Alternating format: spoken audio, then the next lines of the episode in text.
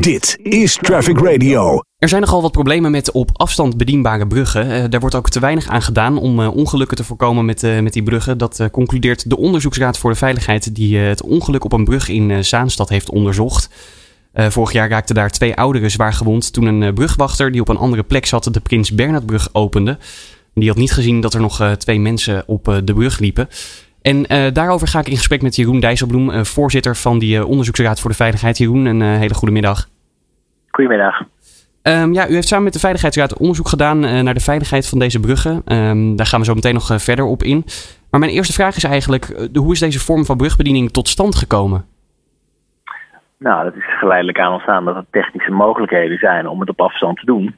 En dat natuurlijk ook kostenvoordeel voor de wegbeheerders oplevert. Dus het is niet van vandaag op gisteren. Het is al een langere ontwikkeling, die overigens nog volop gaande is. Hè. Dus het op afstand bedienen van bruggen wordt geleidelijk aan uitgerold over Nederland, zou je kunnen zeggen. Ja, en dat heeft uh, natuurlijk ook uh, met een hele hoop economische redenen te maken. Uh, dat geeft u zelf ook al aan. Het is natuurlijk goedkoper om dat op een andere manier op te lossen. In plaats van dat er bij iedere brug ook daadwerkelijk iemand fysiek aanwezig is. Um, ja. Maar ja, dat lijkt dus ook deze gevolgen met zich, met zich mee te brengen. En volgens het rapport van de, van de OVV zijn er maar liefst 72 tekortkomingen bij deze manier van brugbediening. Um, en nou ja, die kunnen we niet allemaal gaan bespreken. Maar wat zijn nou de belangrijkste waarnemingen die, uh, die jullie als onderzoeksraad hebben gedaan? Ja, die 72, moet ik even uitleggen, die zijn voortgekomen uit een scan die de gemeente Zaanstad heeft gedaan naar de eigen bruggen. Um, na ons eerste rapport, en wel in 2015 is ook een ernstig ongeluk geweest waarbij iemand om het leven is gekomen op een brug in Zaanstad. Precies hetzelfde probleem. Daarna hebben ze alle bruggen uh, bekeken in Zaanstad en daar zijn die 72 tekortkomingen uitgekomen. Het probleem alleen was dat het daadwerkelijk aanpakken daarvan, met gewoon technische verbeteringen, dat was eigenlijk nog nauwelijks gebeurd eind 2018, toen het tweede ongeluk gebeurde. En nog weer twee uh, mensen op oudere leeftijd uh, uh, ten val kwamen op de brug, op een andere brug. Wat zijn de belangrijkste punten? Ja, het gaat vaak over de inrichting op en om de brug, zodat alle mensen die zich op de brug bevinden of de brug overgaan, goed zicht hebben op de waarschuwingssignalen, dus op lichten, geluidssignalen. Zo kunnen zien welk deel van de brug eigenlijk beweegt. Sommige van deze bruggen zijn vrij lang, een lang stuk wegdek waarvan niet helemaal duidelijk is welk deel gaat eigenlijk omhoog klappen.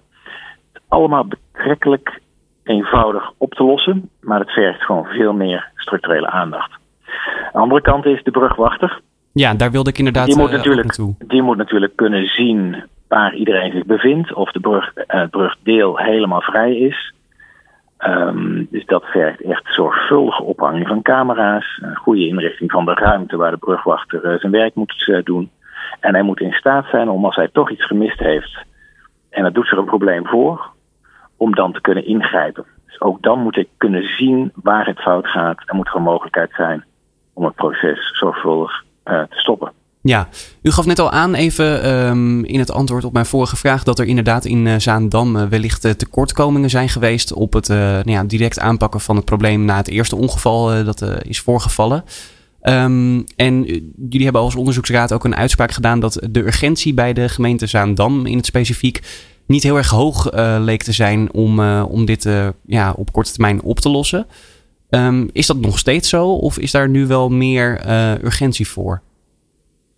Ja, ik wil eigenlijk zeggen dat nadat het eerste dodelijk ongeval in 2015 de gemeente en ons rapport daarover, de gemeente Zaanstad, echt uit de startblokken is gegaan, zijn alle bruggen gaan bekijken en hebben geïnventariseerd wat er allemaal moet gebeuren. Maar het echt uitvoeren daarvan, gewoon ingrepen uh, in de inrichting op en om de brug, et cetera, heeft op zich laten wachten. Dus dat is versloft. De urgentie verdween na een paar jaar.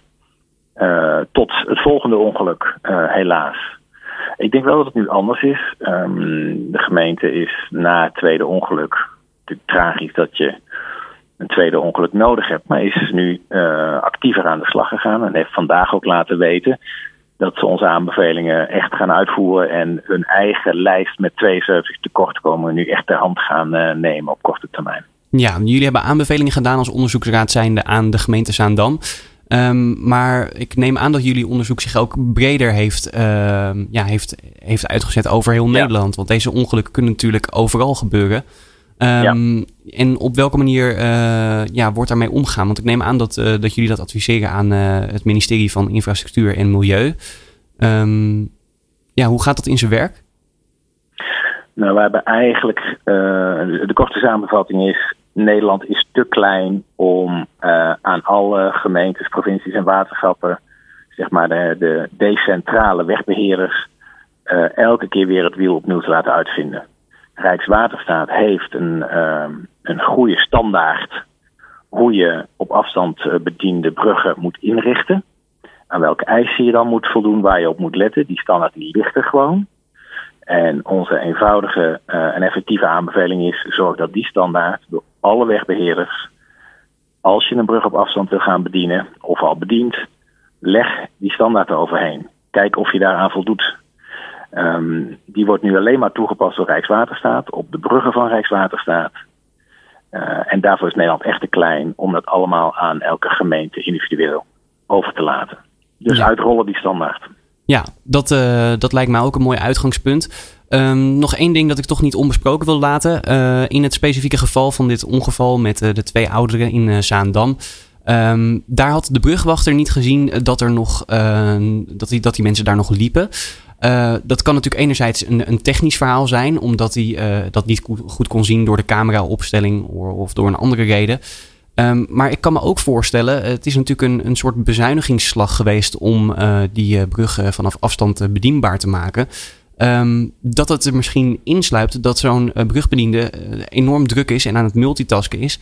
Want ik neem aan, die bestuurt meerdere bruggen tegelijk, toch?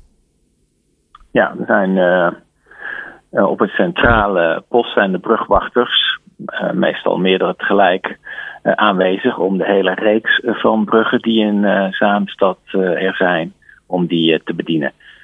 die hebben dus veel schermen en die moeten het overzicht houden op al die schermen. Dat zal een uitdaging. En wij hebben ook kritiek, en eh, de gemeente Zaanstad heeft het ook zelf vastgesteld, over de cameraopstelling. In dit specifieke geval was het zo dat nadat de, het ophalen van de brug in werking was gesteld, werd het verdere zicht op die brug uh, eigenlijk onmogelijk. En het had dus te maken met de plek waar de camera hing. Mm-hmm. Dus die brug kwam omhoog, kwam daardoor voor een van de camera's uh, omhoog.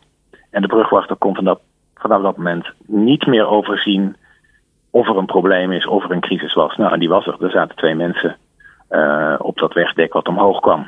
Maar hij kon ze onmogelijk, op dat moment onmogelijk meer zien. Hij kon ze ook niet corrigeren. Dit is te verhelpen. Maar dan moet je de camera's natuurlijk slim ophangen. Um, en zo zijn er andere verbeteringen mogelijk. Um, daarmee wordt de kans op fouten veel kleiner.